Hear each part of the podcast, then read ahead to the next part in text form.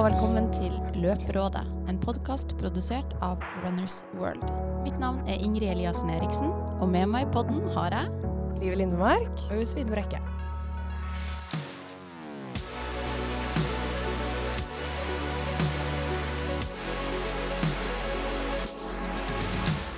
Oi, oi, oi, jenta. For ei uke.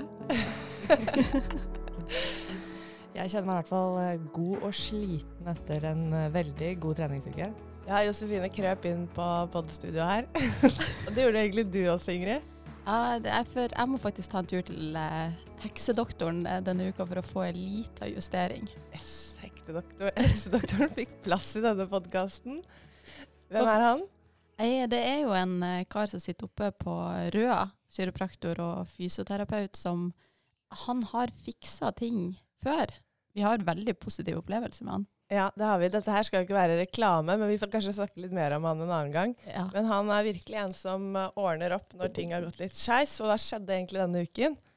Nei, det er jo egentlig utrolig at man får det til når eh, man får å springe så mye frem og tilbake på glatta, og vi har liksom jobba nå i seks uker på vinterføre. Og så går jeg én tur på butikken på torsdag, og så får jeg et sånn hestespark på isen, og liksom den kjenninga i fremsida av låret. Og den har sittet i sida, og jeg får det ikke vekk. Ja. Hva, hvordan eh, gikk det med treningen etter det? Jeg fikk litt eh, panikk på torsdag og skulle jo egentlig være med på TVR.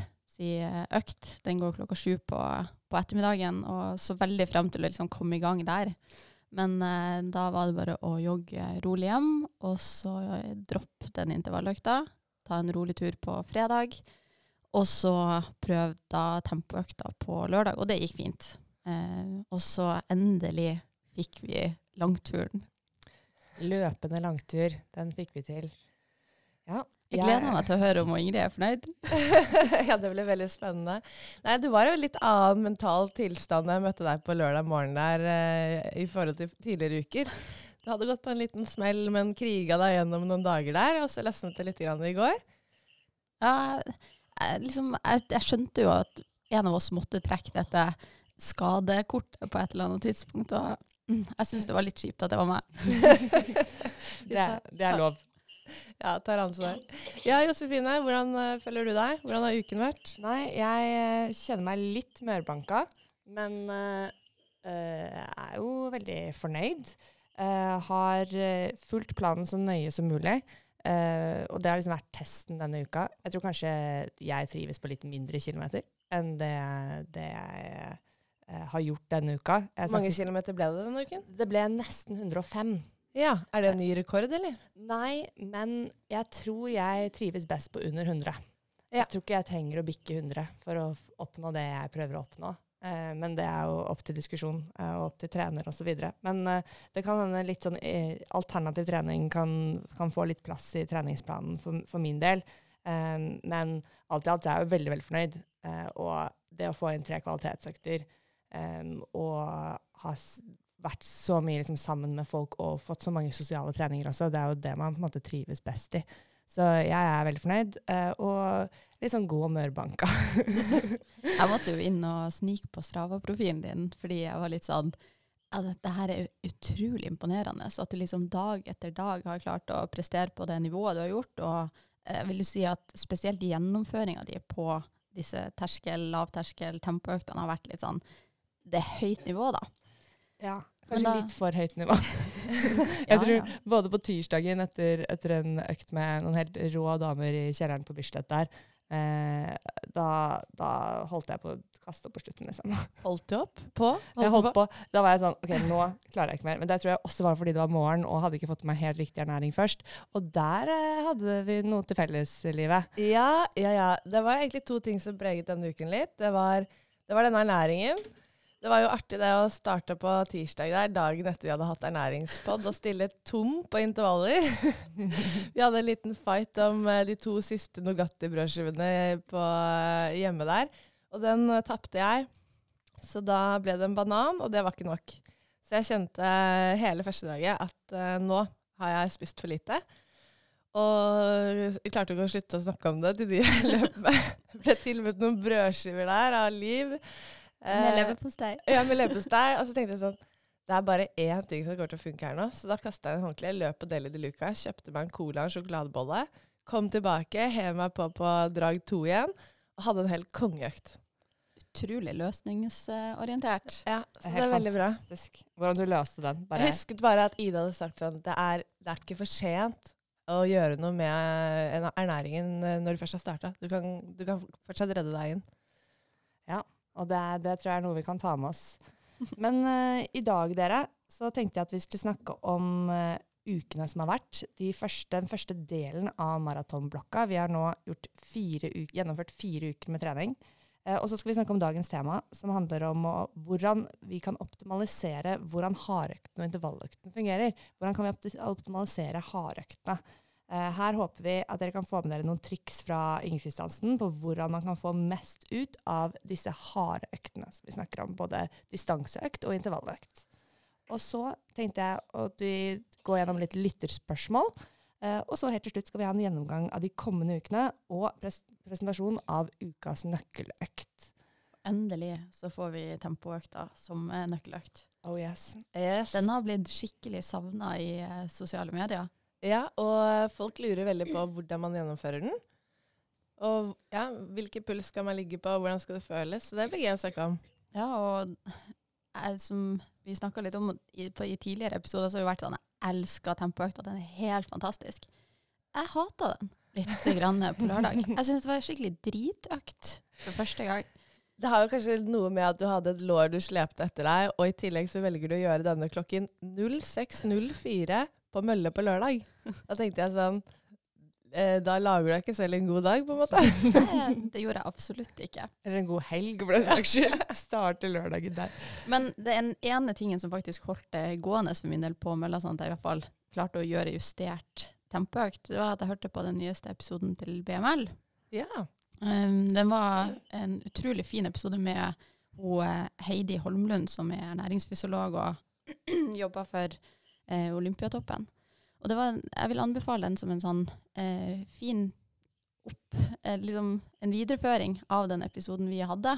Eh, hun er jo, hun snakka litt enklere rundt ting. Og ja, jeg fikk med meg veldig mange fine points.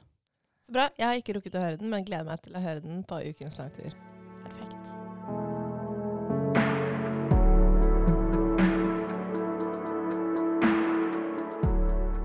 Herlig, dere. Men skal vi da kjøre eh, oppsummering av de første fire ukene av maratonplanen? Yes, kjør. Bra. Da tenker jeg at vi starter med Ingrid. Ingrid, hva tenker du? Hvordan har de første fire ukene av maratonplanen gått for din del? Og det må jo sies at vi har lagt opp en plan da hvor eh, Eller Ingrid har lagt opp en plan til oss hvor vi har hatt eh, to A-uker. Og så hadde vi ei B-uke, og nå er vi over på å gjennomføre den første A-uka igjen. Hvor eh, vi ikke har hatt en hviledag på siste uka. Eh, den hadde vi alle sammen i forrige uke. Og jeg kjente i hvert fall at jeg tok jo den på søndag. Og det var veldig fint, fordi det gjorde ingenting. Den fulgte meg jo inn i hele den totale uka. Og da var jeg veldig sånn klar nå på mandagen som kom til å virkelig prestere. Men eh, så langt Jeg opplever virkelig at dette programmet til Ingrid funka utrolig godt. Jeg merka det på spesielt på terskeløktene at jeg kan holde den høyere farta, og det handler om at dragtida ikke er så lenge som vi hadde før. Og det er jo du veldig enig i, Mm. Josefine. Absolutt. Ja, jeg, min erfaring har vært at jeg merker at jeg tåler høyere fart over lengre tid. Eh, en enorm forskjell fra de første tre altså For tre uker siden så hadde jeg ikke klart å gjøre den økta jeg gjorde på tirsdag. Eh, da lå vi på veldig god fart hele veien eh, på tirsdagsøkta.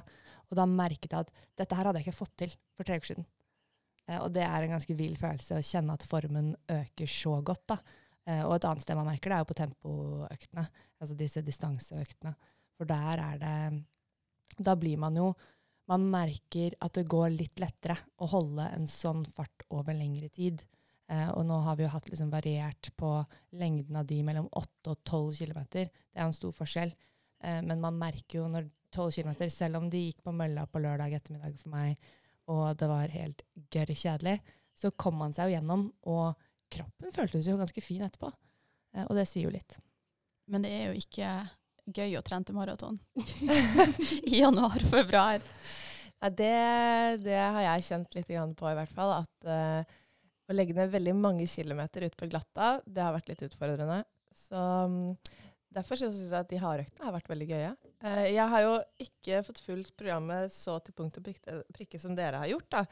Og det ble jo fryktelig mange hviledager der i uke tre eller to. Men nå er jeg jo inne i dytten her. Eh, og da er jeg helt enig med dere disse hardøktene er veldig morsomme. Eh, det er gøy å løpe litt fortere. Vi løper jo fortsatt under terskel, men litt høyere terskel enn det jeg er vant til å gjøre. Det skal vi snakke mer om. Eh, og det har jeg kjent på er skikkelig gøy. Løpe litt fortere. Uh, kjenne at man utvikler løpesteget på en bedre måte.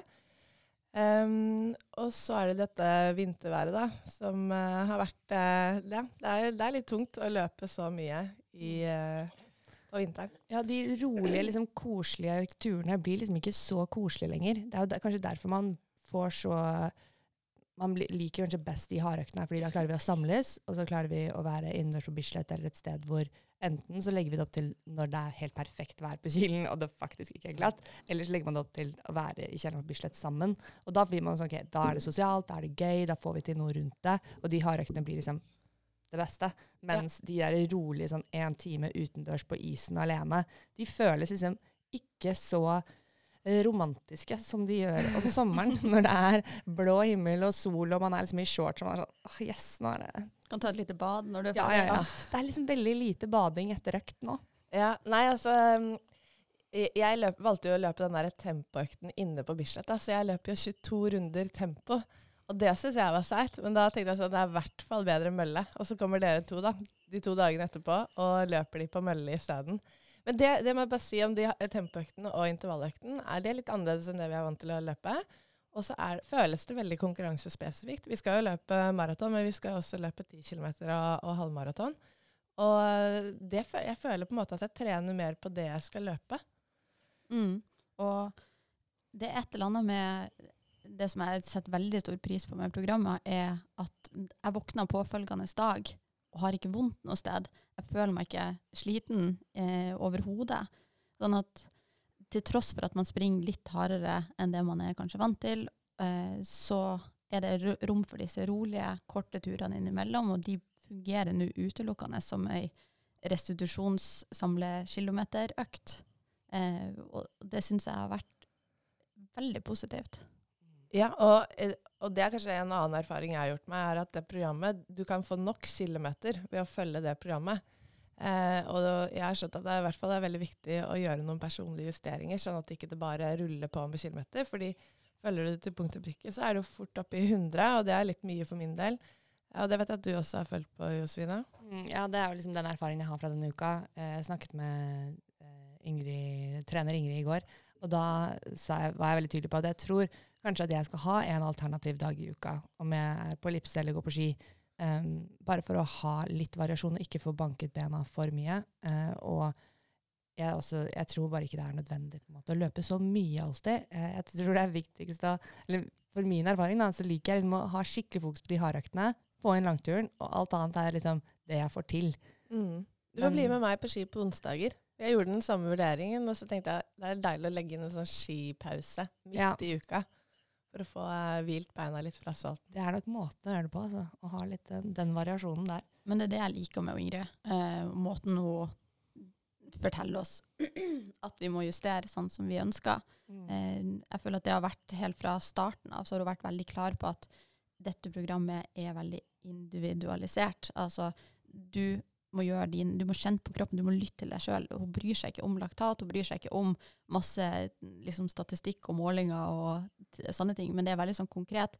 Dette er det du kjenner på, og da kan du justere, for det er ikke farlig å droppe den økta i det hele tatt. Nei, jeg har tenkt litt på den der eh, forrige uke med hvor man tar Hvis man blir syk, eller hvis noe skjer, eller hvis man litt, må plutselig ta litt fri, hva, hva, hva skjer da? Og så liker jeg veldig godt det Ingrid sa da, som er ikke ta igjen treninga bare liksom, fortsett der du egentlig skulle ha vært, og bare tenk, tenk at du må kjenne etter. Det må handle om følelse. Jeg scrollet igjennom Garmin-appen i går, da, hvor Ingrid gir oss tilbakemeldinger. Mm -hmm. Og det er, er, det første uka vi har fått ganske mye skryt for gjennomføringene, og de justeringene vi har gjort. Ja. Ja. jeg så også Du fikk litt eh, sånn eh, Jeg føler du fikk passe påskrevet etter den ernæringssmellen din. Men hadde du på en måte gjort eh, god justering på sjøl? Ja, ja, der fikk jeg litt passe påskrevet. Men resten av øktene, der virket hun fornøyd. Jeg vet ikke om det er fordi hun har satt seg på et fly til Granca, eller om det er eh, vi som faktisk har gjort en god jobb. Men eh, det blir spennende å høre hennes vurdering etterpå. Så hvis vi skal liksom trekke ut eh, hva er favorittdelen deres av dette programmet? Jeg må, det har vi jo ikke snakka om det, men i går hadde jeg eh, nok den løpeturen hvor jeg følte meg best. Og følte meg sånn skikkelig fresh og fin. Josefine ler veldig nå, fordi jeg hadde henne med på deler av den turen. Og, Jeg hadde motsatt følelse. men vi fikk til eh, årets første sånn ordentlige langtur i går. Mm. Eh, og for min del så kom jeg litt hjem. Jeg kjente at jeg kunne ha løpt en, fort en time til. Eh, jeg var ikke tom resten av dagen. Jeg dro på settmeny på Skål og på konsert og hele pakka.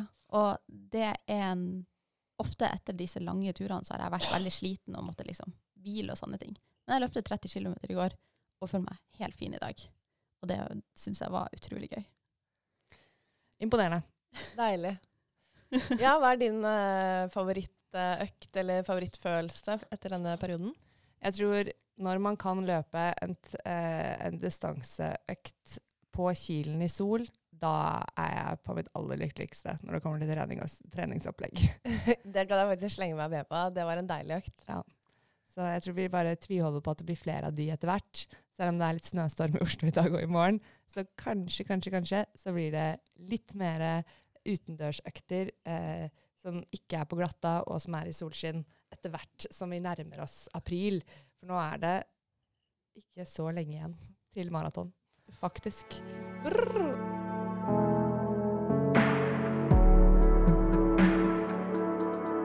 Men da tenker jeg at vi går over til dagens hoveddel, som handler om hvordan vi kan optimalisere hardøkten. Og vi har faktisk med oss Ingrid Kristiansen på telefon fra Gran Canaria. Hei, Ingrid. Hallo, hallo. Skal vi se om vi får opp lyden på det. Skal vi se. Hei, Ingrid. Hallo! Hallo, Der, hallo. Nå er vi i gang her. Så det er mye snakk om intervall og distansetrening. Og hvorfor gjør vi det egentlig, er liksom første spørsmål her. Jeg tenker at Vi skal snakke litt om hva er poenget med hardøktene, hva ønsker vi å få ut av det, og eh, hvordan kan vi gjøre dem best mulig. Hva tenker du, Ingrid? Ja, det er jo å gjøre noen harde økter det er jo for å stykke opp treninga. Og de harde øktene blir jo lagt litt i Det blir jo litt forskjell på hva man trener mot. Så dere sier jo hele tiden at dere trener ikke så hardt nå som dere gjorde før, men nå trener dere mot halvmaraton og maraton. Og da er det veldig viktig at ikke de blir for harde, så dere kan gjennomføre så dere får kilometer i løpet av uka, så de ikke koster for mye totalt sett. Så jeg synes jo det var veldig interessant å høre det Ingrid sier om eh, etter den lange eh, turen og såpass mange kilometer som hun har løpt, at hun føler seg bra allerede i dag. Og da har hun tydeligvis hatt en veldig fin balanse mellom det harde og det rolige den uka som har vært. Så eh, jeg mener jo at den, eh, de harde øktene ikke skal være hardere enn at du i løpet av den dagen du har tatt den, disse harde øktene, at du skal være helt fresh Gjerne før du legger deg om kvelden, hvis du ikke tar deg veldig seint om kvelden. Sånn at det ikke skal være for mye. Du skal ikke være borti syra i hele tatt. Du skal flyte og føle at dette går veldig bra. Ja, ikke sant. Men uh, hvorfor gjør vi hardøkter i det hele tatt, Ingrid? Nei, det er jo for å variere litt. Hvis, vi hadde, hvis dere har fått beskjed om å springe eh, 100-110 km bare rolig, så tror jeg det har blitt helt daukjørt. Men kunne, Altså, vi blitt, eh, litt- kunne vi blitt like gode av å gjøre det, da? Nei, det tror jeg ikke. Det blir jo liksom eh, Jo, jo, det, det, det er mulig. Han Lydiard, eh, som er en gammel eh, trener fra Down Under, eh, som fikk veldig mange gode løpere frem, de gjorde jo veldig mye lange, lange treninger. Men de hadde nok et snev av det her litt intervallpregete, det òg. Men, men hva Så kan du si hva er intervall? Et intervall er jo også å springe eh, veldig rolig i fem minutter, og så litt fortere i fem minutter. Det er jo også et intervall. Mm. Så det spørs jo hva man legger i intervallbegrepet. Ja, så det handler om å variere, da. Variere Ja, det handler om å variere, og det har jo vært tatt opp mange ganger i, denne podkasten både på styrketrening og på kosthold. Så jo, det går jo igjen nesten på alle arenaer. Variasjon er veldig smart. Hva, hva tenker du om uh, hardøkter i forhold til uh, løpsøkonomi og sånne ting? Er det viktig å få med seg pga. effektiv løpeteknikk? Ja, jeg mener jo da, i hvert fall erfaring på meg sjøl og på en del av de andre som jeg har jobba med og trent sammen med, at hvis vi, hvis vi springer for fort eller for hardt, det blir jo det samme, men det er jo forskjellig man, hvilke begrep man liker å bruke, så får man gjerne en litt dårlig stil, inklusiv meg selv. De gangene jeg sprang litt for hardt på trening, så fikk jeg heisa skuldrer og jeg fikk en dårlig løpsøkonomi. Og da fant jeg fort ut at det var mye bedre å springe litt roligere og få det gode flyten som man skal ha når man skal drive med lange løp. Mm. Så i relasjon til dette med distanseøkter og intervalløkter, så har vi snakket mye om terskel. Vi har kanskje kastet, rundt, kastet, dette med terskel litt sånn rundt i poden, uten å gå inn på hva det er. Og vi har fått mange spørsmål om det. Eh, og derfor tenker jeg at vi kunne snakket litt om det i dag på dette temaet. Eh, og det er f.eks. hva er egentlig terskel, og er det mulig å finne terskelpuls uten å ta en fancy tekst? Hva tenker du, Ingrid?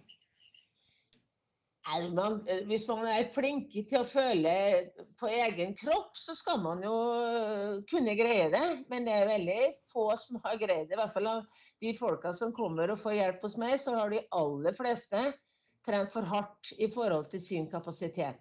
Inklusiv Ingrid. Mm. Eh, ja. Sånn at de, eh, altså, intervallene har gått for hardt fordi at man har vært for opptatt av å se hvilken tid man løper på. Mm. Altså, eh, farten kommer som et resultat av at man trener riktig. Og det er vel litt av det dere føler nå. At nå greier dere å løpe fortere eh, på lavere puls enn dere greide før. Og til og med må dere løpe i pausene. Sånn at eh, det er jo det at man må trene mot det man skal trene mot. Altså halv- og helmaraton det er noe helt annet enn å springe 1500 meter. Sånn at det er, det er veldig viktig at man holder det, den terskel pulsen. Farten er trenbar. Pulsen er på en måte en, et lite, lite tre-fire-fem slag forskjell fra uh, nedre og øvre grense av terskelen. Og jeg sier jo hele tiden til dere at dere skal ligge heller på nedre grense av terskel og litt under enn midt på og øvre grense av terskelen når dere trener nå. Så at dere ikke går på en smell. Ja, og da er det hvordan finner man det? Eh, og jeg har ikke gått eh, Jeg har jo funnet fram til en måte jeg finner det der uten at det er så veldig fancy. Eh, ikke stikker. Jeg bruker bare øynene og ser hvordan folk ser ut når de løper, og hvordan pulsvariasjonen er. Men litt det derre som For jeg hadde ikke pulsklokke noe særlig da jeg holdt på, men litt det der følelsen av at hvis du begynner snev, at du begynner å puste litt tungt, da må du trappe ned farten. For da går det litt for fort. Så der er igjen det derre forferdelig dumme som man sier, at eh, du må føle på kroppen. Og når man er i en gruppe, så er det ikke så enkelt å føle på kroppen, for da blir man dratt med, og da blir man dratt med kanskje i en fart som er for høy. Og så må man betale for det dagen etter og flere dager etter det. Ja, altså jeg bare lyst til å dele en generell erfaring etter å ha gått fra å trene mye på fart til å trene på puls med deg. Og det er at eh, motivasjon og det å grue seg til hardøkter har blitt litt annerledes. fordi hvis du løper på riktig puls, da, så vet du jo på en måte at du kommer til å klare å gjennomføre økten på en god måte. Men hvis du på forhånd har bestemt deg for en fart du skal holde, som du tror er din terskel, og så har du en dårlig dag, så er det en fryktelig tung økt å gjennomføre. Og så, så på uh, fredag når jeg hadde mine 22 runder inne på Bislett, så var det veldig deilig å liksom vite at hvis du holder denne farten her, eller denne pulsen her, så kommer dette til å bli en kjempebra økt. Istedenfor å titte på klokka hva jeg har rundet hver eneste runde på. Så det er en, eh, en, erfaring som jeg tenkte kan være fin for lytterne å høre. At det kan være veldig mye mer motiverende å løpe på puls enn på fart. Fordi det du gjorde da, var egentlig å liksom, på klokka di så fjerna du alle parametrene og bare hadde pulsen mm. som du så på. Ja. Og så justerte jeg litt hvordan den gikk opp og ned. Mm. Ja, for det var... Det dette med terskel var helt nytt for meg da jeg startet. Uh, og altså, jeg begynte å løpe etter terskel i desember, så det er fortsatt en veldig sånn ny greie hos meg. Men jeg, jeg har liksom ganske lik følelse som Live her, at uh, det å, uh, ha den, å se på følelse og puls er veldig mye mer behagelig og veldig mye mer Um, ja, man vet liksom hva man får etter hvert i løpet av økta, da, mm. uh, når, man, når, man, trener etter de to parameterne i stedet for bare fart. da. Mm. For Du vet jo aldri hvordan dagen din er, og så kan jo fire blank fart føles, føles veldig mye tyngre den ene dagen enn den andre dagen. Mm. Um, men uh, jeg, jeg, snakket jo med deg, Ingrid, forrige mandag for å diskutere litt dette med puls og hvilke justeringer jeg skal gjøre i programmet. Og da, Vi bruker jo dette lavterskelbegrepet. Um, og vi har jo i tidligere episoder snakket om hvordan du finner frem til hva som er vår terskelpuls. Uh, og da har vi alle fått et lite uh, spenn. Uh, min personlige terskelpuls er mellom 170 til 172. og når vi løper deg intervaller, så kaller vi det lavterskel. Da ligger du under 170 til 172. Mm. og sånn som jeg har løpt intervaller før, så har jeg jo målt laktat og løpt på følelse. Uh, men lagt meg mye lavere eh, på puls. Så det er på en måte nytt for meg at lavterskelbegrepet til Ingrid er eh, egentlig høyterskel, eh, ville jeg kalt det tidligere. da. Og det tror jeg kanskje mange lyttere også har lurt på. liksom, hva er, hvor, Hvis du har 170 da, i terskelpuls, hva, kan du beskrive terskelbegrepet ditt, Ingrid, ut fra det? Altså, Renspikka intervaller, hvis, spesielt hvis man trener noe kortere, så kan man være oppi den, den, den, mellom 72 og 72 som du har. Da kan du godt få Men jeg, det, jeg mener ikke det er så smart å gå over. Det kan godt gå greit, men sjansen for at det kan gå gærent, er mye større enn om du holder deg innenfor sonen din. Mm. Og hvis du f.eks. springer 8000 eh, meter, så er det veldig dumt å starte de første 3000 meterne på, midt på terskelsonen din, for da er sjansen for at du går over på slutten veldig mye større enn om du starter litt pent.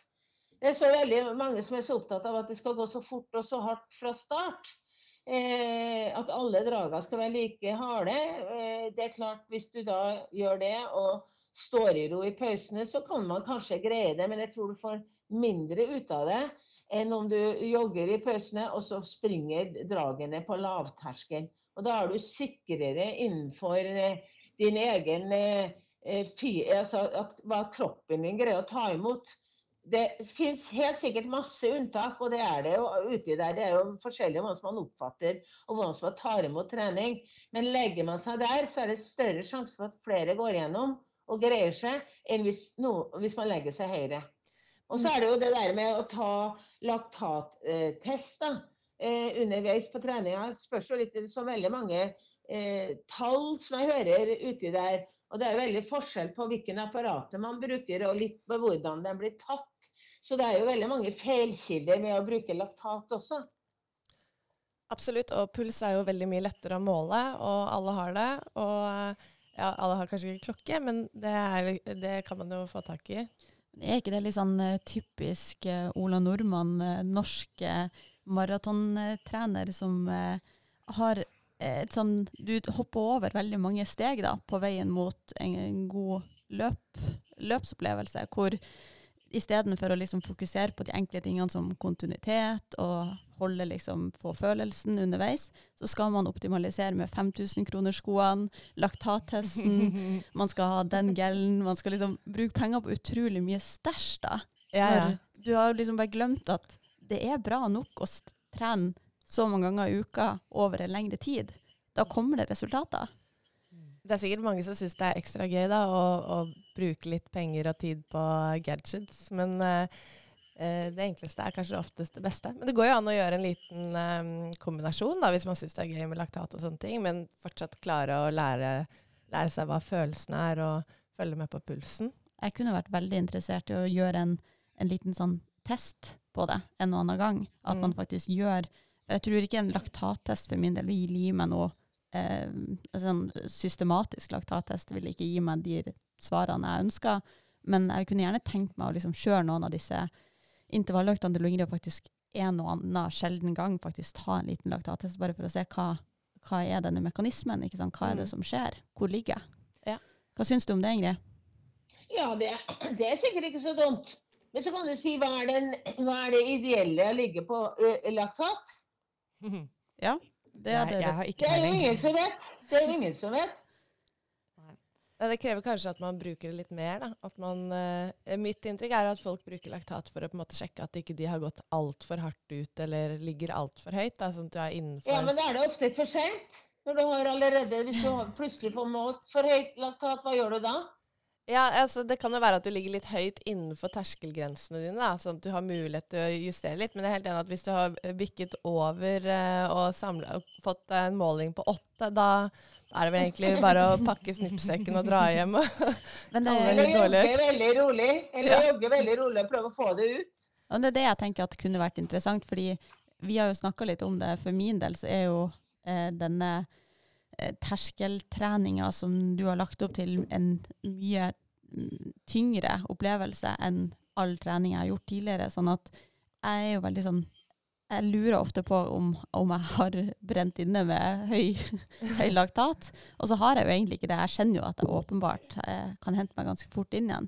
Men det hadde vært gøy å bare se hvor ligger laktaten da, når jeg faktisk klarer å trene sånn som du ønsker.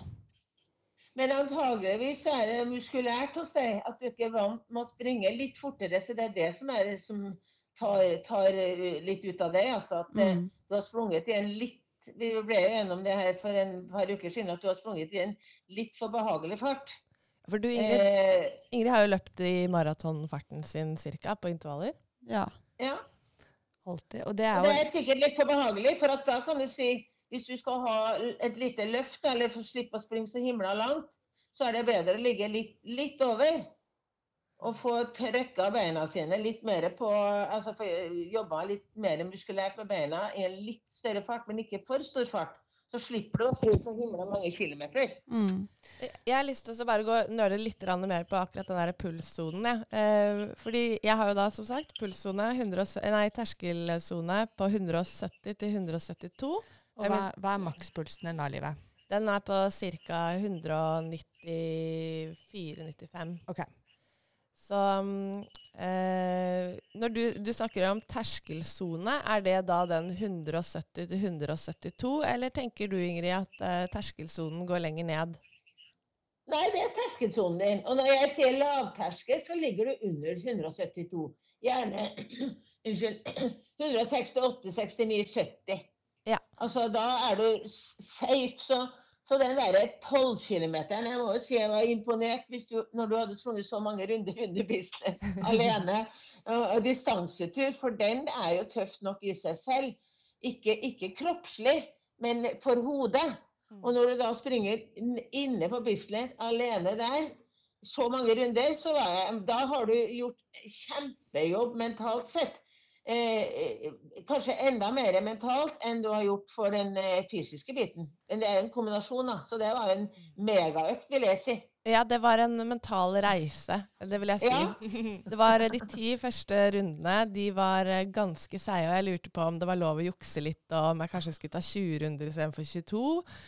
Og så kom jeg liksom over kneika der, eh, og folk kom jo inn, hadde var ferdig med øktene sine, dro ut igjen, og jeg fortsatte å løpe runder. og Det var litt motiverende i seg selv. Men så fant jeg faktisk utrolig mye motivasjon i at eh, jeg løp på puls, og jeg kjente at det gikk helt fint, og jeg ble ikke kjempesliten eh, når jeg løp rundt og rundt der. Eh, og jeg skjønte at det kom til å gå helt fint å løpe 22 runder. Så da, da gikk det bra, og det var skikkelig mestringsfølelse. Så det var, det var rett og slett veldig gøy. Men selvfølgelig eh, litt mentalt eh, tøft. Det var det. Eh, men, Men det var jo apropos det. Nei, men du Ja. sier at du skulle jukse eh, og kutte ut eh, så Hvis du følte at 20 runder var nok for deg akkurat den dagen, så er det ikke snakk om å jukse, da, vet du. Da er det nok. Nei, men det, var du- det er vel forskjell på om det er fysisk eller mentalt nok? Ja, akkurat. Ja, akkurat. For Ingrid, vi har jo, du har jo delt opp eh, programmet vårt inn i liksom to typer hardøkter. Du har hatt intervalløkter, som er egentlig klassiske intervaller, enten på tid eller på kilometerdistanse, eh, med joggende pauser. Eller så har vi da disse distanseøktene. Og Vi kommer litt inn på det, men hva tenker du er den største forskjellen på hva man får ut av de to typer hardøktene? Ja, det er, det er jo altså de vanlige sånn åtte ganger 1000, ni ganger 1000, fire ganger 2000. Det er jo litt mer oppstykket, så du får på en måte litt pause imellom. På en litt annen måte. Så der har, du, har man jo muligheten til å kunne springe kanskje litt fortere. Så får man testa beina sine litt på en litt tøffere måte enn når man kjører distansetrening. Og så er det den variasjonen. Selv syns jeg det var pyton å bare springe masse eh, intervaller. For det, da, da ble det liksom så veldig oppstykka trening. Og når man trente mot eh, lengre løp, så ble det liksom ikke det samme som Jeg fikk ikke den samme flyten, rett og slett. Og det har jeg sett på veldig mange utøvere holdt på med på alle nivåer. At de får mer flyt når de gjør variasjonen. Av og til så får de litt kjappe, korte drag, og av og til får de litt lengre. Men totalt sett så holder de vel på en eh, mellom 25 og 30, 35 minutter totalt sett med intervaller. Men når vi, når Så det er en variasjon, da. Ja, når, ja, og når du snakker om intervallene, eh, det er de, eh, de kortere, altså ikke distanseøktene. Da skal vi ligge opp mot terskelsonen vår. Eh, Det kan dere, ja. ja. Men hvis du har dobbel Det er jo noen ganger vi setter opp dobbel eh, terskel. Det er et begrep som blir brukt mye i dag. Og det gjør veldig mange av mine utøvere. Dobbel terskel. Men jeg er veldig nøye med å si, å si at det er dobbel lavterskel. Så hvis man har to økter eh, La oss si at du har to intervalløkter på en dag. Da tror jeg Ingrid i hvert fall har hatt. mm, Eh, så har jeg gjerne én intervall, da, men istedenfor å springe fire ganger 2000, så springer man tre ganger 2000 på første økta, f.eks. Uh, lavterskel vil da si at du er under terskelsonen din. Så for deg, Live, så ville du ha sprunget på 68, 168, 169. Mer enn høyt nok. Ja. Og så den andre økta, så springer man kanskje eh, 20, altså varmer opp, og så springer man 25 minutter sammenhengende, f.eks. en kort distansetur. Ja, og Også enda litt lavere puls, kanskje. Så det er, skal man ha to sånne harde økter, jeg sier harde økter på én dag, så er det veldig viktig at ikke begge de blir for harde, for da må du ha hviledag dagen etterpå. Så greier du kanskje ikke å trene sånn som du ønsker dagen etter der igjen. Så da blir totalen hele uka for dårlig. Så jeg er jo opptatt av kontinuitet uke etter uke, sånn at man skal tåle den treningen man skal gjøre fram mot de løpene man skal, skal ha. Og det tror jeg er en veldig sånn viktig beskjed til de som lytter til oss også. Det der med å Du trenger ikke å hoppe inn i en dobbel lavterskel eh, med en gang. Start med å gjøre to intervalløkter i uka. Det har du jo sagt før at er tilstrekkelig i massevis. Ja. og jeg tror både Josefine og jeg, eller verken Josefine eller jeg, kommer til å kjøre noe særlig dobbel terskel. Det er mer enn bra nok å kjøre vanlige intervaller. Men det er jo gøy for de som har lyst til å prøve seg på noe nytt. Og, men da må man bare være litt forsiktig med hvordan man gjennomfører det, og kanskje heller legge eh, ambisjonsnivået litt eh, lavt på de første øktene. Mm. Og så hadde jeg lyst til, Det var noen andre ting jeg hadde lyst til å komme inn på her, Ingrid. og det er jo liksom Rundt din filosofi om løping og trening, så har du også nevnt dette med joggende pauser i intervalløkter. Eh, hva, hva er tankene dine rundt det? Det er jo at du ikke slipper deg ned for mye på hvert, etter hvert drag. At, eh, I puls. eh, der, I puls, ja. At eh, også for så vidt på vinteren og når det er lenge til en konkurranse, sier jeg ofte at Eller på de som er veldig godt, veldig godt trent, så sier jeg at man skal flyte i pausen, ikke engang jogge. Så da flyter man i pausen. Man har en 1000 meter, og så flyter man eh, en, et, et og et halvt minutt på en fart som er ca. langtursfarten, eller eh, sånn, den pulsen sånn er på eh, jeg vet ikke riktig, Det varierer veldig, det. Men eh, sånn at man ikke blir stående i ro. For det er veldig få konkurranser man får stått i ro.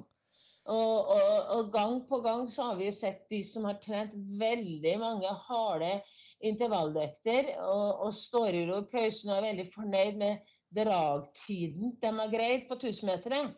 Men når man da kommer til en konkurranse, så greier man jo ikke det. Det er ikke noe vits å springe et dragtid som er 20 sekunder fortere enn det du greier å springe på når du skal springe et løp.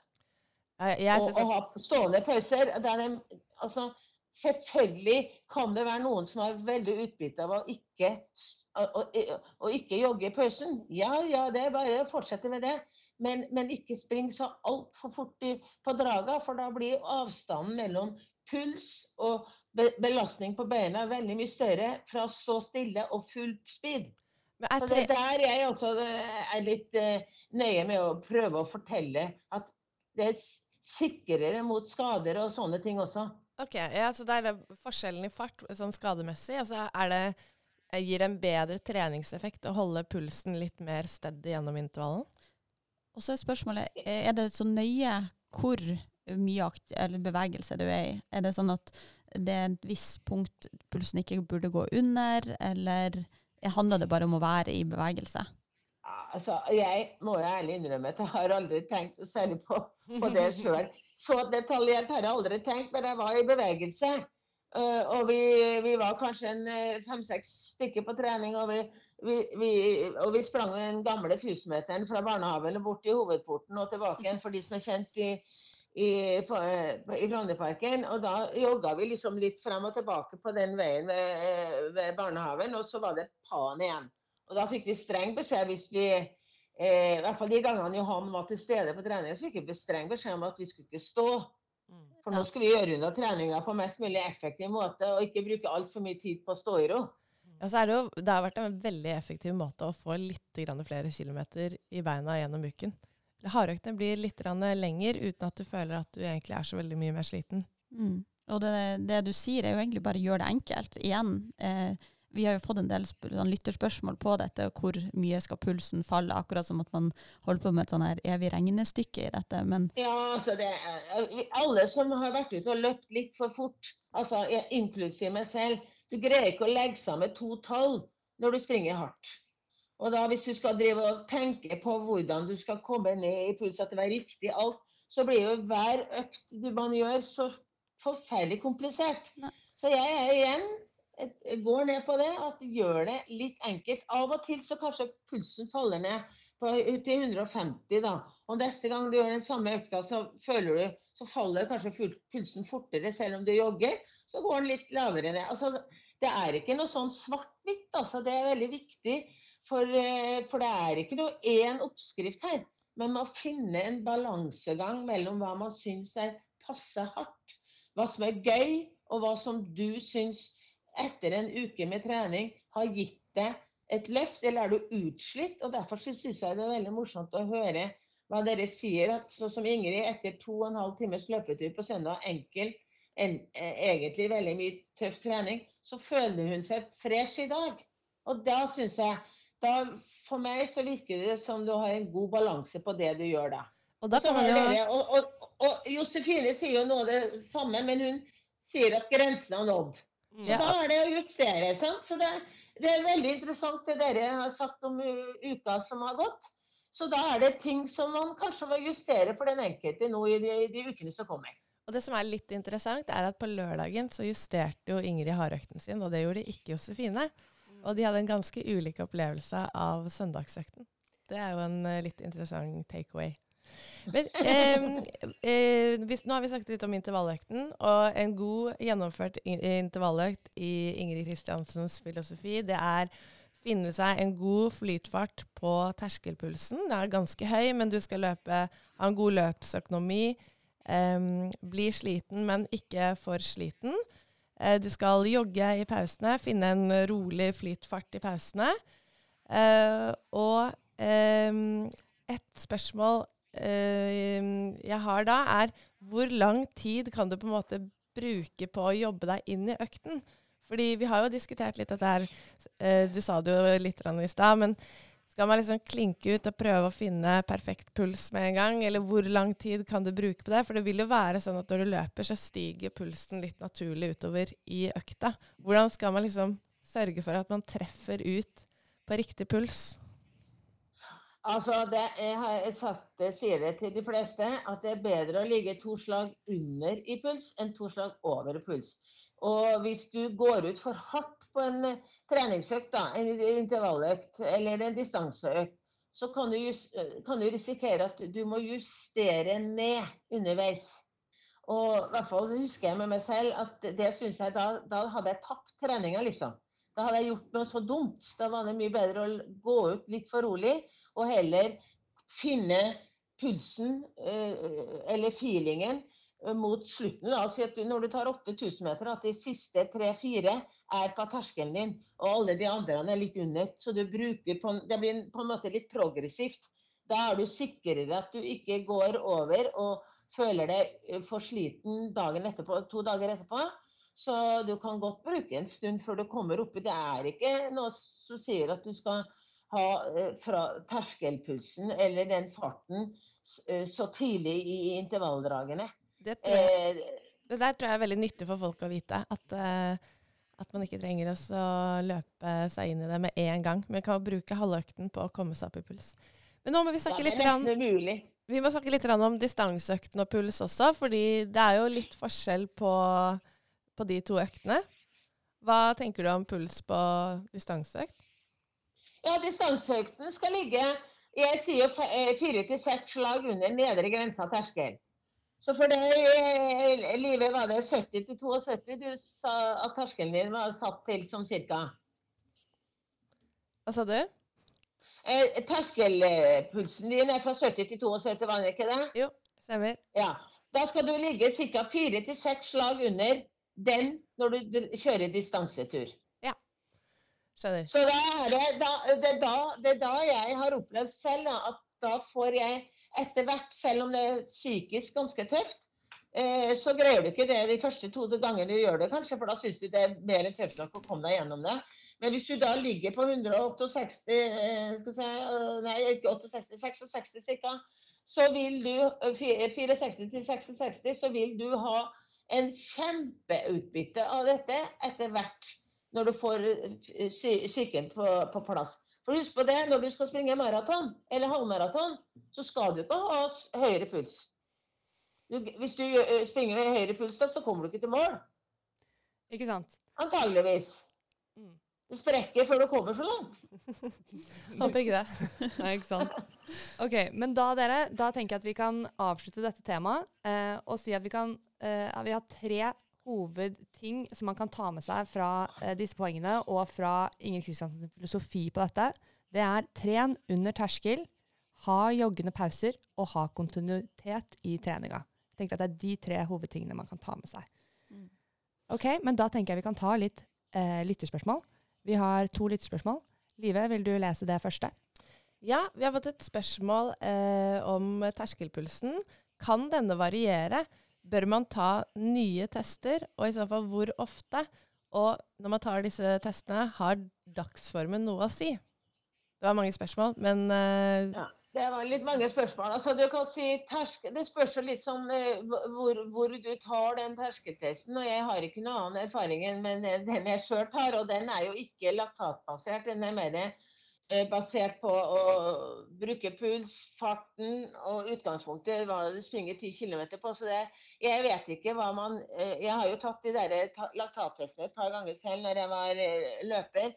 Og jeg husker vi fikk Som gammel skiløper så sprang vi motbakker. Alle sprang i motbakker den gangen, og vi fikk det i hvert fall ned på møllene at de var nesten flate, eller mer eller mindre flate, så vi som løp, kunne løpe fort. For det, jo, det, er jo litt hva, hva er du på jakt etter, kan du si, når du tar disse. Og vi er jo på jakt etter en terskelpuls som, som, er riktig for deg i forhold til den idretten du driver.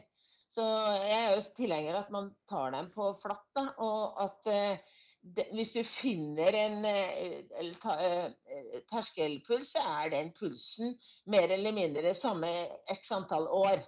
Okay. Min er mye dårligere i dag enn den var for 20 år siden, selvfølgelig, med det har noe med alderen å gjøre. Men det du, det du kan Og da trenger du ikke ta en ny test. Eh, da er det farten som blir bedre på pulsen din. Der har vi igjen at hvis, når du har fått en terskelpulsvariasjon, så har du fått en fart, antageligvis på det der. I hvert fall får du det hos meg. Eh, og, og, da, hvis du trener etter disse prinsippene, så kan du hvis du gjør det riktig og uh, ikke trener for mye annet hardt og hopper på alt mulig underveis, så vil du antageligvis føle at terskelfarten din blir høyere. Men når du da tar en hvile etter en sesong, f.eks. etter et maratonløp, jogger du eller går du og gjør ikke så veldig mye trening, så når du da begynner å trene skikkelig igjen etter kanskje to og en halv til tre uker, så er terskelfarten din antageligvis blitt dårligere. Men da er neste steg å trene seg opp til den terskelfarten du skal ha på neste eh, konkurranse som, eh, som, du ønsker å være god på. For det var det jeg brukte da. Om våren så skal jeg ha 3,20 som Eh, som marsjfart på maraton, og jeg hadde en terskel på ca. 3,10. Eh, og så når jeg eh, tok pause, så var den kanskje nærmere mot 3,50. Og så måtte jeg trene meg ned til under 3 blank. Så det her er en prosess som du kan som du må på en måte følge med på selv, og ikke trene for hardt. For hvis du gjør det, så kan du ødelegge dette som du allerede har bygd opp. Godt svar. Da tenker jeg vi kan snakke litt om den kommende uken. Eh, vi har da enda en A-uke foran oss. Eh, og vi kommer nok til å ha, være ganske slitne på slutten av denne uka også.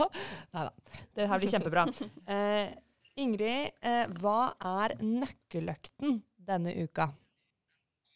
Jeg syns jo for dere som skal springe maraton og, og lange løp, så jeg, jeg, har veldig sansen for distansetrening. Så jeg vil gjerne sette den som eh, nøkkeløkt denne uka. Så kan jeg også si det at har, det er nesten to økter som er nesten like her i, i, neste uke. Så dere kan jo på en måte velge hva dere syns er, er eh, mest nøkkeløkt for dere. For to ganger fire kilometer med fem minutter jogg eller om du springer 10 kilometer sammenhengende, det blir jo noe, noe, i samme sjanger. Ja. Så, sånn som jeg ser det på så, så, det er viktig hvis dere har f.eks. Nøkkel, eh, hvis dere har nøkkeløkter sammen med gruppe, så kan jo det kan være like greit å ta to ganger fire kilometer som en nøkkeløkt. Så, det er ikke sånn at det, tar man den som er viktigst, eh, er det distanseturen som er viktigst. Jeg syns at de to får omtrent samme eh, kreditt hos meg, altså. Så eh, det, det, det, det, er kanskje litt uproft av meg som trener å si det her, men, men eh, det er nesten det samme. Men det kan tenkes at eh, de fleste vil springe litt fortere på to ganger fire kilometer enn distanseøkta. Mm. men det er vel kanskje ikke meninga. For der er altså puls ikke høyere enn terskelpuls, sier jeg. Men eh, distanseturen er jo fire til seks slag under, eh, under, og da får du bedre flyt. Og det er maratontrening. Så kanskje vi setter en knapp på distansetreninga denne uka. Det høres bra ut. Da er det ti ja. km sammenhengende eh, løping på eh, fire til seks slag under nedre terskel, som er eh, ukas nøkkeløkt. Og vi gleder oss til den. Eh, men da kan vi jo egentlig si tusen takk, eh, Ingrid eh, for eh, call-in fra Gran Canaria. Så får du kose deg videre på ferie, og så snakkes vi neste uke. Lykke til, da. Takk. Ha det bra. Ha det. Bra. Det blir eh, en ny uke med distansetrening. Ja, jeg tror kanskje det blir eh, en solfylt lørdagsøkt i Chile. Det er drømmen. Eh, jeg gjorde min denne uka, 12 km alene på mølla klokken fem på ettermiddagen. Da var det litt mørkt oppi hodet en stund der. Så det er jo fint å få vite hvis man kan gjøre den utendørs og med litt venner rundt seg, så blir det bedre. Ja, jeg setter en knapp på det at du må gjøre den sammen. Fordi ja. det er noe med å liksom ligge litt i tog, og hvis det er noen som har lyst til å gå litt raskere ut i det etter hvert, så kan de løpe ifra, Josefine. Og så kan vi andre ligge og dilte litt bak. Ja. Men herlig, dere. Eh, da er det egentlig bare å si tusen takk for eh, en herlig pod. Vi håper dere har lært noe om hvordan man optimaliserer hardøkten, eh, og hvordan vi prioriterer intervalltreningene og distansetreningene. Så gleder vi til å se dere tagge oss på Strava og på øktene når dere kjører deres distanseøkt denne uka. Vi elsker å se at dere tagger oss på Strava, så fortsett å gjøre det. Følg oss på Instagram. Abonner på podkasten, og så snakkes vi neste uke. Ha det bra. Ha det.